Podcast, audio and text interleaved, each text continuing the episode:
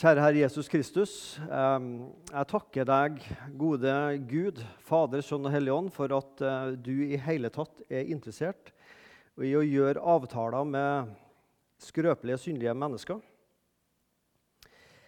At eh, du eh, ga oss denne muligheten til fellesskap med deg.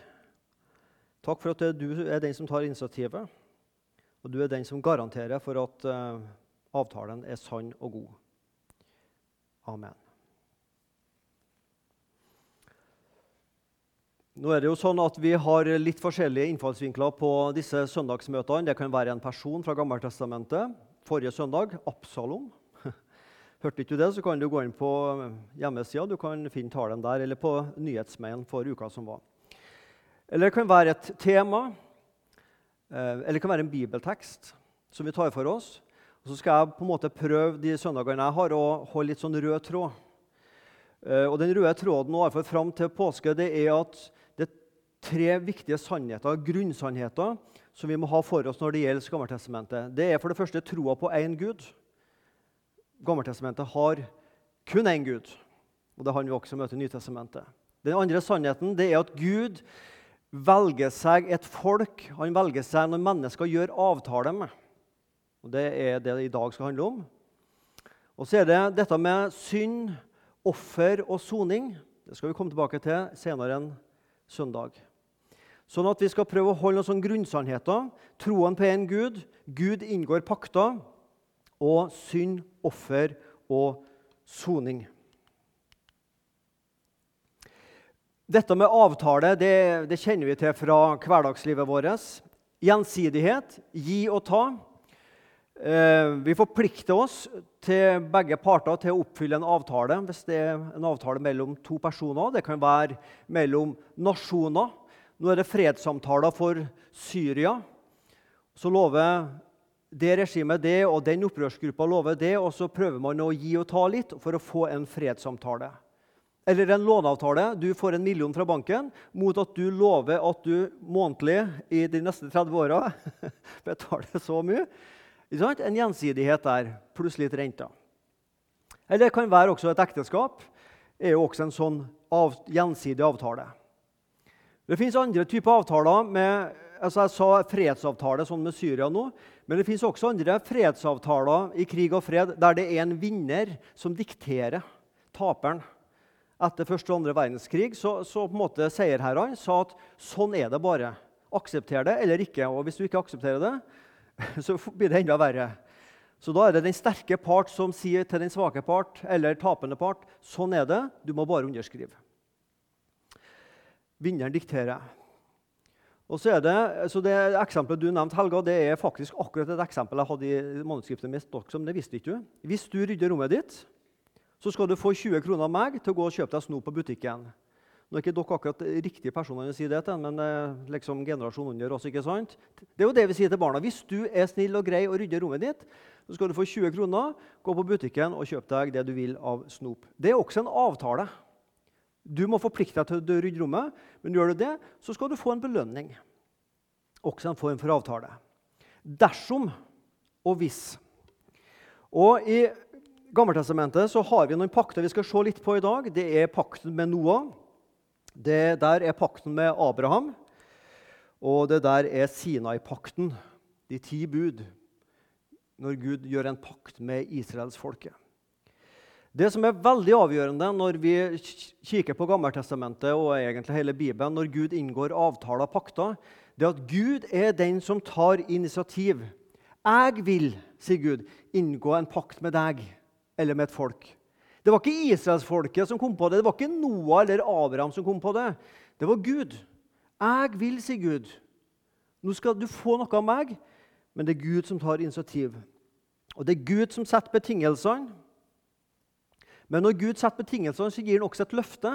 Du skal få et land, du skal bli et stort folk. Jeg skal velsigne deg. Du skal få tilgivelse. Og Gud gir mer enn vi fortjener og vi kan innfri av vår del av avtalen. Gud gir mer enn det vi kan bidra med. Og Gud stiger ned til syndige mennesker og tilbyr sitt fellesskap. Det er ikke, vi som sier, 'Gud, eh, vær så snill, eh, skal vi bli enige om et fellesskap. Nei, det er han som stiger ned og kommer og tilbyr oss sitt fellesskap. Men mennesket kan godta og motta eller forkaste pakten. Vi kan velge dødens vei eller livets vei. Det er et valg mennesket må ta. Og Vi kan også lese ofte at når pakter ble inngått, så ble de stadfesta med måltid. Og det var alltid et offer og blod inne i bildet. Offer, blod og måltidfellesskap. Den første pakten vi møter, um, det er med Noah. Men vi skal legge merke til når vi snakker i dag, at denne settingen her Dersom, eller hvis du eller dere, så da skal jeg. Den der går veldig ofte igjen. Dersom du, så skal jeg. Dersom du rydder rommet ditt, så skal du få. Ja, Det står ikke i Bibelen, da, men ikke sant? Dersom dere som Israelsfolk sånn og sånn, så skal jeg Gud sånn og sånn. Avtale, pakt. Noah. Gud vil gjøre en pakt, en avtale med Noah. Første Mosebok 6,18 og første Mosebok 9,11-13. Jeg vil opprette min pakt med deg. Altså det er Gud igjen som tar initiativ, og han kaller det min pakt. Og du skal gå inn i arken, du og dine sønner og din hustru og dine svigerdøtre med deg. Jeg vil opprette min pakt med dere. Aldri mer skal alt kjød, liv, bli utryddet ved vannflom. Aldri mer skal det komme en vannflom og ødelegge jorden. Og Gud sa, dette er tegnet på pakten jeg oppretter mellom meg og dere og hver levende skapning som er hos dere, for alle kommende slekter og tider. Min bue, altså regnbuen, har jeg satt i skyen. Den skal være et tegn på en pakt mellom meg og jorden. Gud så synden i verden. Gud ville stoppe syndens konsekvenser. Og Gud velger ut en person, Noah, en som frykta han. Og så har du dette igjen med en pakt og en avtale at på den ene sida er det eh, plikter, og på den andre sida gir Gud løfter. Mennesket må forplikte seg, og Gud lover noe. Hva er det Noah forplikter seg til? Jo, han skal bygge en ark. Du skal bygge en ark, og Noah skulle få dyra inn i parken. Det er ikke hele sannheten, for det var egentlig ikke Noah som fikk dyra inn i, eh, arken. Har du tenkt på det? Skulle gå, gå, rundt på hele jorda og samle inn det som var av kaniner og, og, elefanter og jeg vet ikke alt som var. ikke sant? Edderkopper er jo helt umulig. Du må sikkert ha mange hundre år. da. Nei, Det var jo Gud som hadde lagt det inn i genene deres at de skulle inn til arken. Men han skulle bygge arken. Det var han har forplikta seg på. Og Hvis han gjorde det, så vil Herren ikke la det komme en flom som ødelegger jorden etter den flommen som da skulle komme. Men Gud lovte da skal jeg inngå en pakt med deg. Gjør du det, så vil det bli en utsettelse nå. Men etter det så skal jeg aldri mer sende en flom som ødelegger hele jorda. Det er godt å tenke på i disse klimatider at det skal ikke komme en, en oversvømmende flom som tar hele jorda. Sjøl om vi må passe på at ikke, ikke vannet stiger for mye. Men Gud vil inngå en pakt med Noah, men han inngår også egentlig en pakt med alle mennesker. Vi er alle etterkommere etter en av Noahs sine sønner og døtre og en ny start for menneskeheten. Gud gir et løfte at sjøl om synder og syndere fortsatt er på jorda, så skal Gud ikke ødelegge jorda. Gud vil gi et løfte og ga et løfte, og Noah har måttet forplikte seg. Det er en av de første paktene. Jeg skal ikke si mer om den, men jeg kan love dere at når vi kommer litt senere ut på våren, så, så skal vi innom Noah igjen en gang til. Vi skal bruke litt mer tid på Abraham. Da skal vi lese litt fra 1. Mosebok kapittel 12 og 1. Mosebok kapittel 15. Der står det litt utsnitt der fra, fra historien om Abraham, som egentlig er mange kapitler. Og Herren sa til Abraham Der står det ikke Abraham. Først så het han Abraham, og så ble det Abraham. Dra bort fra ditt land og din slekt og din fars hus til det landet jeg vil vise deg. Jeg vil gjøre deg til et stort folk, jeg vil velsigne deg, og jeg vil gjøre ditt navn stort. Og du skal bli til velsignelse. Jeg vil velsigne dem som velsigner den, deg, og den som forbanner deg, vil jeg forbanne. Og i deg skal alle jordens slekter velsignes. Det er litt starten på Abrahamshistorien. Legg merke til jeg vil si Gud. Jeg vil gjøre dette for deg. Jeg vil gi deg. Jeg vil gjøre ditt navn stort. Jeg vil velsigne deg. Jeg vil gi deg et land. Det er Gud hele tida som gir løfter. Han lover å gi og gi og gi. Men Abraham, du må dra ut og begynne opp på en trosvandring. Gjør du det, så skal du oppleve at jeg velsigner deg. Det er i grunnen det Gud sier til Abraham. Historien om Abraham, troens far, det er jo en, altså en mann og hans familie. Og i dag, hvis vi ser rundt oss på jorda, så Jøder kommer jo fra Abraham. Og vi kristne er på en måte en fortsettelse av det. Men også muslimer på en måte har Abraham som sin far. Også de tenker at de er barn av Abraham gjennom Ishmael og ikke gjennom Isak. Så Abraham er en sentral person i tre av verdens religioner. Gud tar initiativ. Han åpenbarer seg, og han snakker med Abraham. Alt Abraham gjorde, var egentlig å lytte og tro og handle på det Gud sa. Først høre, og når han hørte det, så måtte han jo tro det at det var sant. hvis han skulle handle på det. Det var ikke noen vits å handle på det hvis ikke han trodde på det. Og paktforpliktelsen var Abraham. I ditt folk så skal alle guttebarn omskjæres. Og Hvis dere gjør det og passer på det og holder det, så skal du få en sønn, og du skal bli et stort folk, du skal få et land, og i de ett skal alle folkeslag velsignes. Forpliktelse og løfter. Abraham forplikta seg, og Gud lovte. Hele tida når Gud gjør avtale, forplikter mennesket, og Gud lover, gir løfter. Ja, det ligger en forpliktelse her til omskjærelse og en ønske til å følge Guds vilje og Guds ord. Og samtidig vi leser i 1. Mosebok 15, 5-6. Herren førte ham utenfor og sa, Se nå opp mot himmelen og tell stjernene. Sikkert umulig. Hvis du er i stand til å telle dem. Og han sa, Slik skal din ett bli, altså talløs. Og Abraham trodde på Herren, og han, altså Gud, regnet ham, altså Abraham, det til rettferdighet. Abraham han trodde på Herrens løfter. Og Derfor så erklærte Gud Abraham å være rettferdig for seg. Så dette er ikke bare en plikt og liksom noe Abraham må, men det er også en troshandling.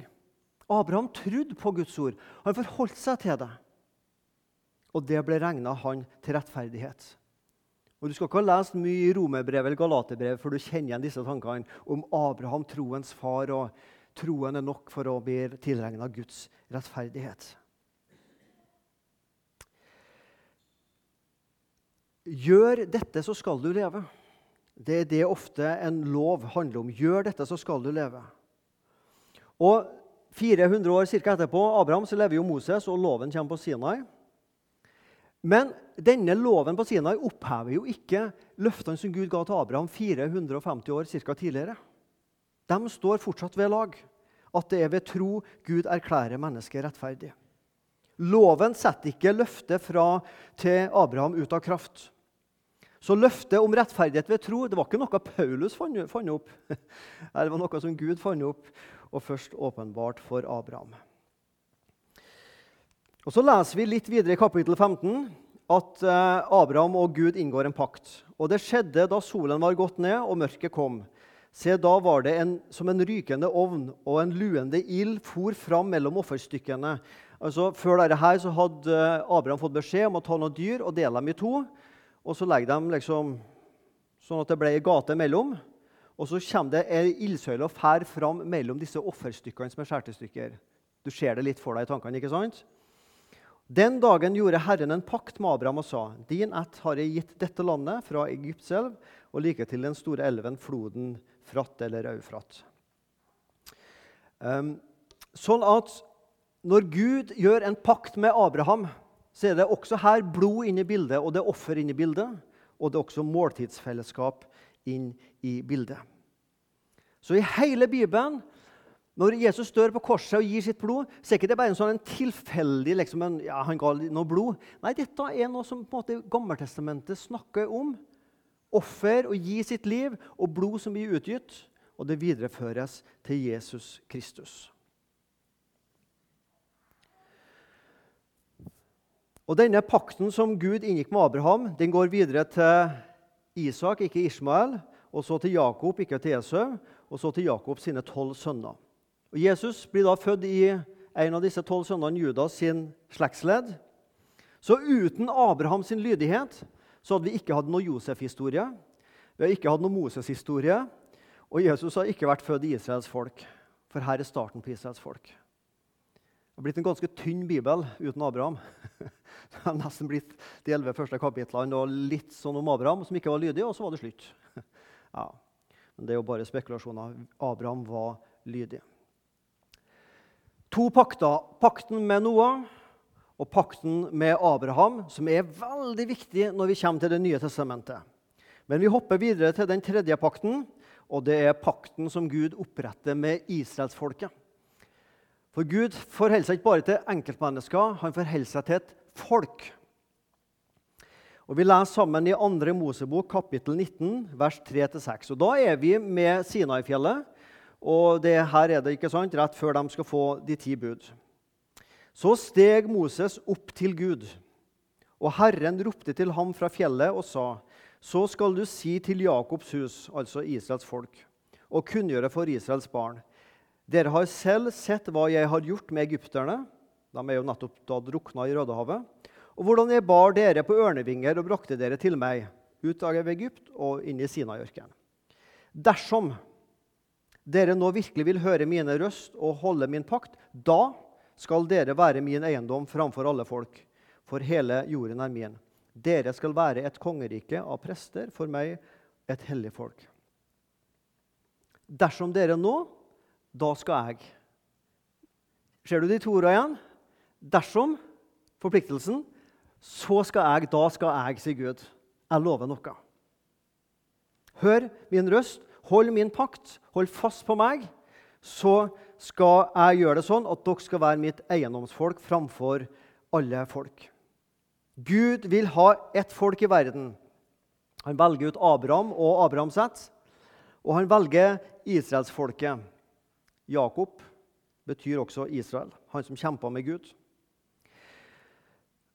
Når folket, Israelsfolket er i Egypt, så står det at Gud ser til folket, og Gud hører folket fordi han husket pakten med Abraham, Isak og Jakob.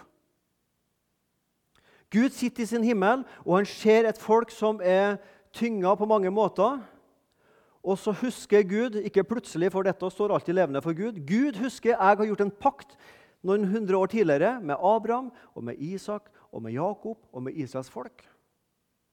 Derfor griper Gud inn og tar folket ut av Egypt. Du er ikke glemt. Jeg har ikke glemt dere, er det som Gud vil si til Israelsfolket.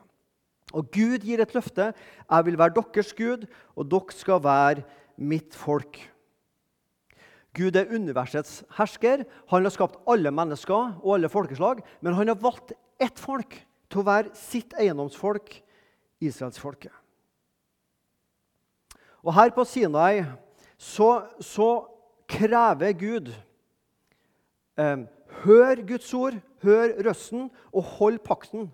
Dersom dere hører Guds ord og holder pakten, så skal jeg sånn og sånn. Hva er det Israel måtte eh, holde? Jo, når vi leser videre nå fra kapittel 19, 20, 21, 22 og 23, så er det det som heter paktsboken der, Gud på en måte lager en paktsbok som israelsfolket forplikter seg på. Og Når vi senere leser 3., 4. og 5. Mosebok, så ser vi alle disse lovene som kom etter hvert. Hold dette, Israel. Det er dette dere skal holde for å være mitt eiendomsfolk. Og De ti bud er jo kjernen i Guds krav til folket.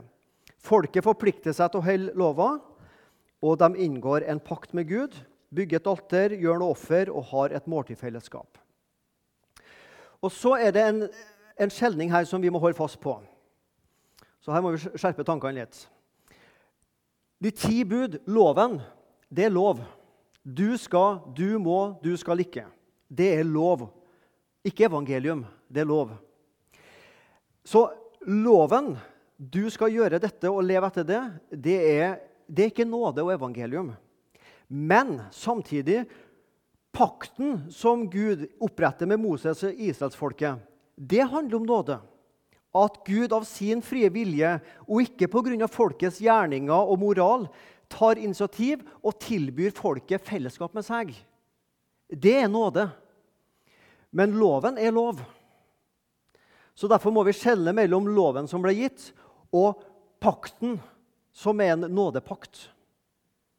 Men loven er lov. Var du med på den? For den er litt viktig. For loven er ikke nåde. Men at Gud oppretter denne pakten med Israels folk, det er nåde. Så lever Israel sitt liv i ørkenen og senere inne i det lovede land. Er de veldig flinke til å holde loven? Ja, Du kan gi en terningkast én, og du kan kanskje gi terningkast i beste fall fem. Det er jo ingen som får en sekser, ingen som holder alt. Det vil jo variere. Men når vi leser i Gammeltestamentet videre framover fra andre Mosebok, så ser vi jo et folk som, som verken kan eller vil av og til følge Guds lov. Gidder ikke, for å si det på godt trøndersk. Ja, det er av og til så rett at De, de gidder ikke. altså. Og det, det, det, er liksom ikke evnen heller, og viljen til stede. Da, da er ikke mye håp. altså. Men så faller altså Israelsfolket av og til inn i denne vrangforestillinga at Eller det er ikke vrangforestilling, men på en måte blir det. Vi er Guds folk. Eh, vi har eh, Abraham og Isak og, og, og, Jakob og Josef og hele pakken. Og vi har Moses og vi har loven og vi har løftene. og vi har, ja, Det er ikke en måte på hva vi har. Så, så, så, vi er Guds barn. Så vi kan nesten egentlig gjøre hva vi vil. For, for Gud har jo lovt at han skal være med oss. ja. Det er jo noe sant med det, og så blir det noe feil. Altså, for å bruke et sånn, litt sånn uttrykk som kanskje var brukt mer for en del tiår siden enn kanskje i dag. Man synder på nåden. ikke sant? Ja, Gud er jo nådig, så jeg, jeg lever som jeg vil. For Gud skal jo tilgi. ja. Og så må profetene komme og si ah, ah, ah, ah. dere kan ikke leve som dere vil. Dere kan ikke behandle fattige folk som dere vil. Dere kan ikke drive business som dere vil. Bare ved å si at ja, ja, men vi er jo Guds folk. Da kan ikke bare gå til tempelet og liksom ofre og tenke at ja, ja, bare hvis vi holder de ytre religiøse pliktene våre, så kan vi leve som vi vil. Den går ikke, altså, er det som Gud vil si. Ser dere hva det står her? Um, Gud Vi skal gå eh, neste steg av dit vi skulle komme. Til Jeremia 31, vers 31-33. Fordi at når folket synder så, så, er det på en måte som Gud sier her, her må vi gjøre noe nytt. altså. Eh, så Det var ikke noen overraskelse for Gud at han måtte gjøre noe nytt, men han åpenbarer det for Jeremia. Se, dager kommer, sier Herren, da jeg vil opprette en ny pakt med Israels hus og med Judas hus. Israelsfolket Nordriket og judafolket Sørriket. Den skal, den, den skal, ikke være som den pakten jeg opprettet med deres fedre på den dagen da jeg tok dem ved hånden og førte dem ut av landet Egypt. Det var det vi nettopp las. ikke sant? Det skal ikke være sånn. Den pakten med meg som de brøt, enda jeg var deres ektemann. Hæ? Han, han hadde, måte, Gud hadde gifta seg med israelsfolket. Han var deres ektemann, men de brydde seg katta i det etter hvert. Men dette er den pakten jeg vil opprette med Israels hus etter de dager, sier Herren. Jeg vil gi min lov i deres sinn og skrive den i deres hjerter. Jeg vil være deres Gud, og de skal være mitt folk. Gud vil være deres ektemann, men folket ville ikke. Folket var utro. De tok seg andre guder, Baal-gudene. Det snakka vi om for en par uker siden. Og De måtte datt i disse tre hovedsyndene, som alle starter på H. Heresi, som er altså avgudsdyrkelse, hor og havesyke. De tre syndene der går igjen også i den nye pakt og også blant oss i dag. Heresi, som er avgudsdyrkelse, hor og havesyke. Folket valgte dødens vei, forbannelsen, og Gud straffa dem. Det ble et delt kongerike, det ble kriger med naboene, og de ble sendt i fangenskap til Asyria og til Babylon. Men Gud hadde ikke glemt dem. Gud hadde ikke satt strek over sine løfter. Gud hadde ikke glemt den pakt han hadde gjort med Abraham og hans ett. Men det skal komme en ny pakt, sier han. Og vi som har det, den nye pakt, det nye testamentet, vi kjenner denne nye pakten. Denne pakten som jødefolket leser etter og tenker en eller annen dag så skal det skje noe. Ja, men vi sier vi, vi vet det har skjedd for 2000 år siden. Det, Gud har oppretta en ny pakt i Jesus Kristus. Og det er en blodspakt. Husker du jeg sa disse to ordene? Dersom eller hvis, da så. Dersom dere, så skal jeg. Nå skal vi lese tre bibelvers fra Nytestamentet der du får disse igjen. Men dersom vi vandrer i lyset, liksom Han er i lyset, da har vi samfunn med hverandre, og Jesu, Hans Sønns blod, renser oss fra all synd. Dersom vi sier vi ikke har synd, da bedrar vi oss selv, og sannheten er ikke i oss. Men dersom vi bekjenner våre synder, da Nå har jeg skrevet inn 'da' her, men det er jo det, egentlig det det står. Da er Han, Gud, trofast og rettferdig, så Han forlater oss syndene og renser oss fra all urettferdighet. Der har du det. Det er den nye pakt. Dersom vi bekjenner våre synder, så er Gud gir et løfte at han vil tilgi synd og stryke ut all urettferdighet. Nå skal du få også en viktig distinksjon, så her må gjerne han skjerpes igjen. Eh, dette verset her må vi ikke lese som lov eller en lovmessighet at bare jeg er flink nok og dyktig nok og ærlig nok til å bekjenne mine synder, så vil Gud til gjengjeld være så grei og så snill at han tilgir meg mine synder. Hvis vi leser det sånn, så har vi gjort dette evangeliet om til lov. Hvis jeg bare er dyktig nok på det, så har Gud lovt det. Da har det blitt lov. Dersom du rydder rommet ditt, så skal du få 20 kroner til å gå og kjøpe deg snop for. Dersom du bekjenner dine synder, så skal jeg tilgi deg. Det er en del vesensforskjeller her. Og følg med nå. For å ta den første Dersom du sier til ditt barn dersom du rydder rommet ditt, skal du få 20 kroner. Hva er poenget med den setningen? Er det at barnet skal få 20 kroner, eller at rommet blir rydda? Det er at rommet blir rydda. Det er kravet, forpliktelsen, som er utgangspunktet.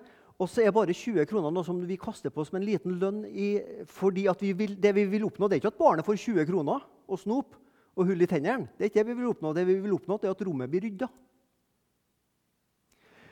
Men når vi sier 'dersom vi bekjenner våre synder', så er Han nådig og tilgir oss. Da er ikke poenget til Gud at vi først og fremst skal bekjenne synd, men hans poeng er at vi skal få tilgivelse. Er du med? En veldig viktig forskjell der. Der er det løftet som er poenget, og ikke forpliktelsen. Men når vi sier til barnet 'rydd rommet ditt, så får du 20 kroner', så er det forpliktelsen som er hovedpoenget. At rommet må bli ryddig. Da er det, det er lov.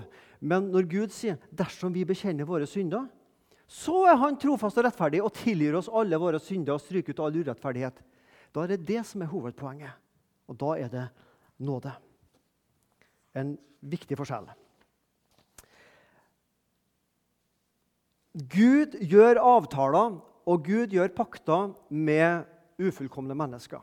Jeg tenkte på det her med Noah og Abraham og Moses og Jakob. og Tenk nå litt over hvem det var Gud gjorde pakt med. Noah. For å si det med et moderne uttrykk, Han var litt for si på flaska av og til. Det kan du lese om. Han drakk seg full en gang, står det til og med også. Jeg, jeg tror ikke han gjorde det hele tida, men, men, det står også det om svake sider med Noah. Abraham tok med seg kona ned til Egypt. Det står til og med at han løy overfor farao om kona si. At det var liksom søstera, sånn at ikke de skulle Ja, det var noe der. Det kan du lese om. Ja. Og så går det videre til Jakob. Aha, han som lurte Esau og faren Isak. Til Moses, en morder. til israelsfolket. Det minste av alle folk, sier Gud. Det er ikke for dere er så stor og flott og fin og moralsk god at jeg har valgt dere. Nei, dere er det minste folket. Til Paulus, som sier at jeg er den største synder, og til deg og meg. Er ikke det godt å tenke på i det selskapet vi er med, med mordere og en som var litt for hard på flaska, kanskje, og folk som lurte og laug. Det er dem Gud gjør pakt med. Ikke dem som fikser livet, men med dem som ikke fikser livet. Når det gjelder dette med Gud, synet på Gud og at Gud vil ha fellesskap med mennesker, så tror jeg det fins iallfall to grøfter. Det fins sikkert flere, men det fins iallfall to grøfter. Og Den ene grøfta er denne her. Gud er glad i meg uansett. Han bare elsker meg uansett hva jeg gjør. Alle, uansett hva vi har gjort eller kanskje tror på, så kommer vi til himmelen om den nå finnes. Og Det er ingen tanke eller behov for at det trengs noe soning. Det blir en kjærlighet, en gudskjærlighet uten en Gud som krever soning og offer. Det er ei grøft vi kan lage av Gud. Love, love, kjærlighet, kjærlighet uansett. Jo, det er sant om Gud, men det er ikke hele sannheten om Gud. Ei anna grøft den, Jeg satt og hørte på radioen en dag, og så hørte jeg, da var det en sang uh, som heter 'Alt du vil ha' av Bjørn Eidsvåg. Og skal ikke jeg prøve det, det, akkurat det jeg skal prøve. Der var det en, en setning som jeg ble gående og synge på. Den går sånn. Nå skal jeg prøve å ta det litt på Bjørn Eidsvåg-vis. Om jeg lover å være snill, om du alltid får lov til å gjøre hva du vil, om jeg gir deg alt du vil ha, vil du da bli glad? Vil du da bli glad? Det er sånn, han har laga en sånn litt sånn artig sang om forholdet mann og uh, kone og mann. Og så snudde jeg litt på den der sangen der. Så tenkte jeg, Tenk hvis jeg synger til Gud sånn følgende Om jeg lover å være snill, om jeg alltid og evig gjør som du vil, om jeg gir deg alt du vil ha, vil du da bli glad? Vil du da bli glad? Ja, jeg tror mange mennesker tenker sånn om Gud. Hvis jeg bare er snill, Gud, hvis jeg evig alltid gjør sånn som du vil, hvis jeg bare gir deg, Gud, det du vil ha, vil du da være glad i meg? Vi kan gjøre Gud til en sånn tannløs kjærlighetsgud som ikke kreves offer og oppgjør for synd. Eller vi kan også lage Gud på en annen måte som en som Jeg kan aldri vite om han er glad i meg. Har jeg gjort nok for at Gud skal være glad i meg? Det er disse to grøftene, iallfall to av grøftene som vi kan ha i synet på Gud og fellesskap med mennesker om jeg lover å være snill. Jeg vet om en som var snill, men han var mer enn snill. Han var det. Og han gjorde alltid det som Gud vil, og det beste av alt. Han ga Gud alt Gud ville ha og kreve. Fullkommenhet. Og han heter Jesus Kristus. Jesus gjorde det som Gud krever. Han var snill og mer enn snill. Han ga Gud alt det Gud vil ha. Og Gud krever fullkommenhet. Det kan ikke du og jeg på noen som helst måte gi Gud. Jeg kan gi Gud kanskje 50% og skjerpe meg litt og slutte med litt ting og begynne litt mer med andre ting. Så kanskje klarer jeg litt mer enn 50 jeg vet ikke. Men det blir aldri 100. Det blir aldri fullkomment. Men jeg kjenner en som, som mestrer dette fullkomment. Jesus Kristus. Og Dersom jeg bare bekjenner og, og kommer fram med Gud med mitt liv og sier, 'Gud, her er mitt liv' det, det er faktisk ikke alle synderne jeg vet om engang, Gud. Men kan du likevel tilgi meg? Så sier Gud ja. Jeg kan tilgi deg, for jeg har inngått en pakt med Kristus. At den som kommer til Kristus med sine synder, får tilgivelse og blir rensa. Der var det et offer, og der var det blod. Og der er det tilgivelse å få.